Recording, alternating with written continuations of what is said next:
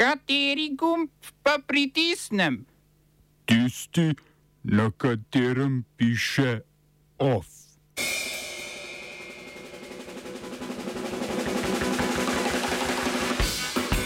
V Rusiji protesti proti delni mobilizaciji rezervistov.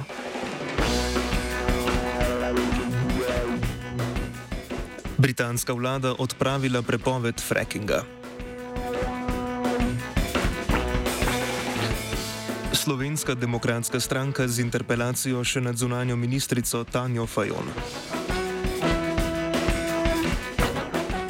Prijetno presenečenje levice za predsednika republike Miha Kordiš.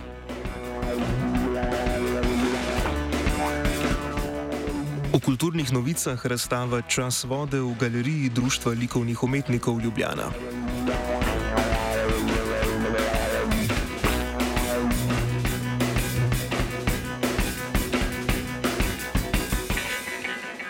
V ruskih mestih, med drugim v Moskvi, Sankt Peterburgu in Jekaterinburgu, so se odvijali protivojni protesti in sicer kot odziv na mobilizacijo rezervistov z vojnimi izkušnjami, ki jo je zaukazal predsednik Vladimir Putin. Po informacijah ruske nevladne organizacije OVD Info so protesti potekali v 38 ruskih mestih, pridržanih je bilo najmanj 1300 ljudi. Za udeležbo na tovrstnih protestih ali pa le za pozivanje k protestom na internetu lahko posameznika po trditvah moskovskega tožilstva doleti tudi do 15-letna zaporna kazen. Protestniki so lahko preganjani po zakonu o prepovedi širjenja lažnih novic, ki se tičejo ruske vojske in njene vojaške operacije v Ukrajini.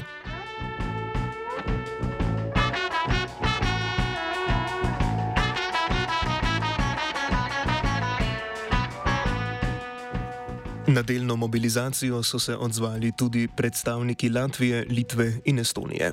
Estonski zunani minister je sporočil, da pobeg pred mobilizacijo ne predstavlja zadostne podlage za podelitev azila ruskim dezerterjem. Njegov latvijski kolega je za zavrnitev ruskih prebežnikov navedel varnostne razloge, z litovskega notranjega ministerstva pa so sporočili, da bodo vsako prošnjo za azil obravnavali ločeno.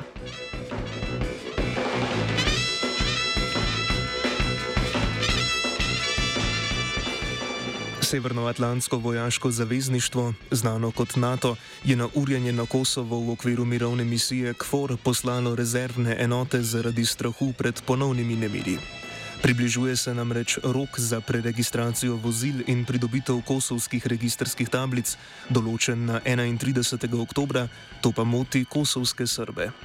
Točnega števila prihajajočih rezervistov še niso sporočili, šlo pa bo za enoto v velikosti bataljona, kar običajno pomeni od 500 do 1000 vojakov. Sicer je na Kosovu že okoli 3700 pripadnikov Severnoatlantskega zavezništva.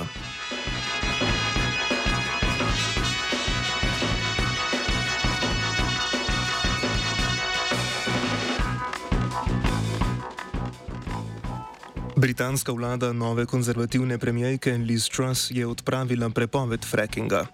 Z okoljsko spornim hidravličnim lomljenjem, s katerim pridobivajo zemljski plin, želijo britanske oblasti povečati domačo proizvodnjo tega energenta. Moratorij na fracking je bil uveden leta 2019, ponovna uvedba pa je razhudila okoljevarstvenike, saj je s hidravličnim lomljenjem povečana možnost onesnaženja podtalnice, prav tako pa se povečuje možnost potresov. Ravno zaradi znanstvene študije, ki je dokazovala povezavo med frackingom in potresno aktivnostjo, so fracking sicer prepovedali.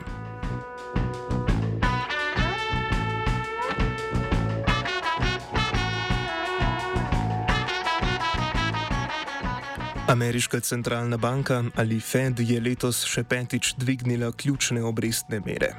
Fed jih je tokrat dvignil za nič celih 75 odstotne točke, tako so ključne obrestne mere zdaj med 3 in 3,25 odstotka in so najvišje od začetka leta 2008.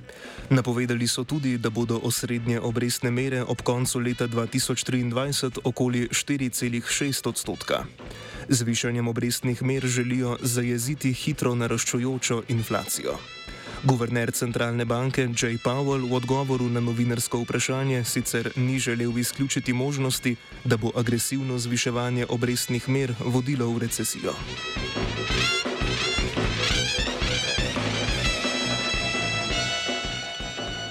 Odločitvi Feda je že sledila angliška centralna banka, ki je osrednje obrestne mere zvišala za pol odstotne točke. To je že sedmi dvig obrestnih mer v manj kot letu dni. Osrednje mere so sedaj na 2,25 odstotka. Angliška centralna banka ocenjuje, da bo Združeno kraljestvo kmalo v recesiji, saj v tretjem četrtletju pričakuje zmanjšanje bruto domačega proizvoda za desetino odstotne točke. Prav za toliko se je BDP zmanjšal že v obdobju od aprila do konca junija.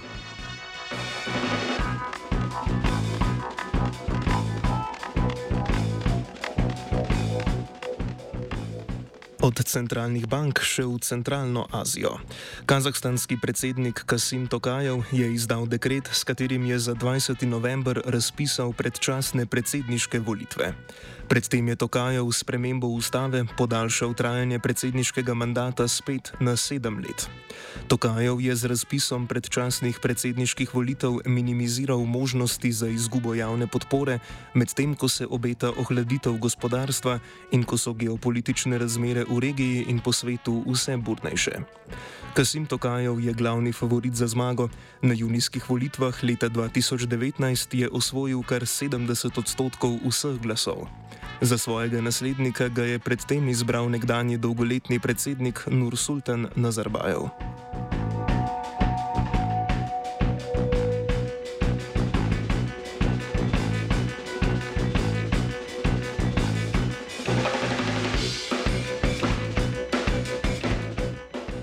Špansko ministrstvo za delo je oglobilo dostavno podjetje Glovo zaradi kršenja delovnopravne zakonodaje.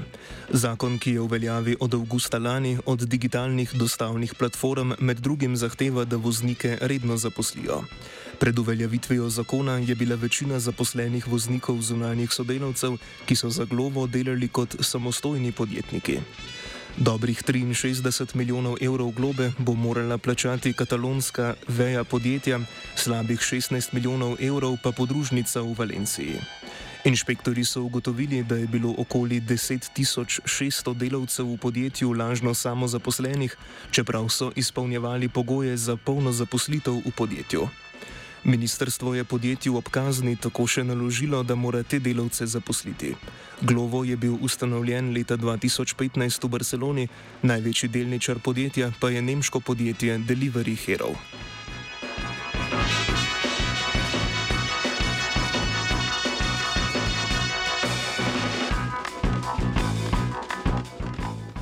V ekvadorski prestolnici Quito so se pred tamkajšnjo policijsko upravo zbrali protestniki zaradi umora 34-letne odvetnice Marije Belen Bernal. Pogrešana je bila 11 dni pred odkritjem njenega trupla na hribu, oddaljenem dobrih 5 km od policijske akademije, kjer so jo na zadnje videli.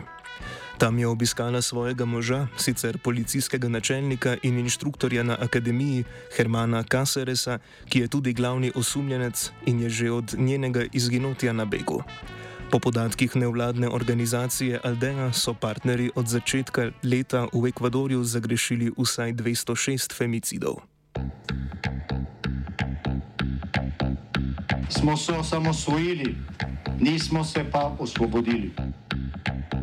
Naslednje število je še 500 projektov. Izpiljene modele, kako so se strani nekdanje LDS rotirali. Ko to dvoje zmešamo v pravilno zmes, dobimo zgodbo o uspehu. Takemu političnemu razvoju se reče udar.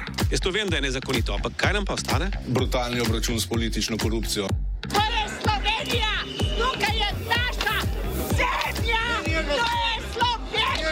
Slovenija, Slovenija. Golobovi vladi se obeta še druga interpelacija. Slovenska demokratska stranka je namreč uložila interpelacijo zoper zunanjo ministrico in predsednico socialnih demokratov Tanjo Fajon. Slovenska demokratska stranka ministrici očita odpoklic veleposlanika v Združenih državah Toneta Kajzerja, ki je po mnenju Janševe stranke nezakonit. Kajzer je po mnenju vlade nepooblaščeno slikal depešo notranjega ministrstva in jo poslal nekdanjemu premijeju ter vodi opozicije Janezu Janši. Predsednik države Borut Pahor je s stisnjenimi zobmi podpisal ukaz o odpoklicu veleposlanika, vendar meni, da je bil ta nesorazmeren, saj Kajzerjeva kršitev ni imela neposrednega škodljivega vpliva za slovenske zunanje politične interese. Več o očitkih zunanji ministrici pove poslanec SDS Franz Breznik. Očitam odgovornost zaradi zlorabe diplomatskih in konzularnih predstavništv Republike Slovenije. Zaradi selektivnega zbiranja podpisov podpore volilk in volilcev za podporo kandidatki za volitev predsednika Republike Slovenije, s čimer je bila po eni strani ustvarjena neenakost pred zakonom, ter predvsem kršitve tudi 17. člena zakona o zunanjih zadevah, ker se je z namero odpoklico in predhodno ni seznanila torej predsednika Republike Slovenije, kar ima za posledico izgubljeno zaupanje v institucije pravne države in zaradi dejanj pri izvrševanju politične funkcije, ki imajo za posledico izgubljeno zaupanje v funkcijo ministrice za področje torej zunanjih zadev Republike Slovenije. Danes se uradno začenja volilna kampanja za predsedniške volitve. Kampanja bo trajala 30 dni oziroma do 21. oktobra do polnoči. Prvi krok predsedniških volitev bo v nedeljo 23. oktobra. Iz stranke Levica so sporočili, da bo kandidat njihove stranke za predsednika poslanec Miha Kordiš. Tako je odločil svet stranke. Kordiš, ki velja za enega bolj znanih poslancev, želi predsedniški funkciji povrniti vsebinsko težo, postavil pa se bo, citiramo, za trgovko, medicinsko sestro in industrijskega delavca. Konec citata. Koordinator stranke Luka Mesec je zatrdil, da bo Kordiš prijetno presenečenje volitev. V najmanjši koalicijski stranki tako za predsednika ne bodo podprli evropskega poslanca socialdemokratov Milan, Milana Brgleza, o podpori katerega se v gibanju Svoboda še niso dokončno izrekli.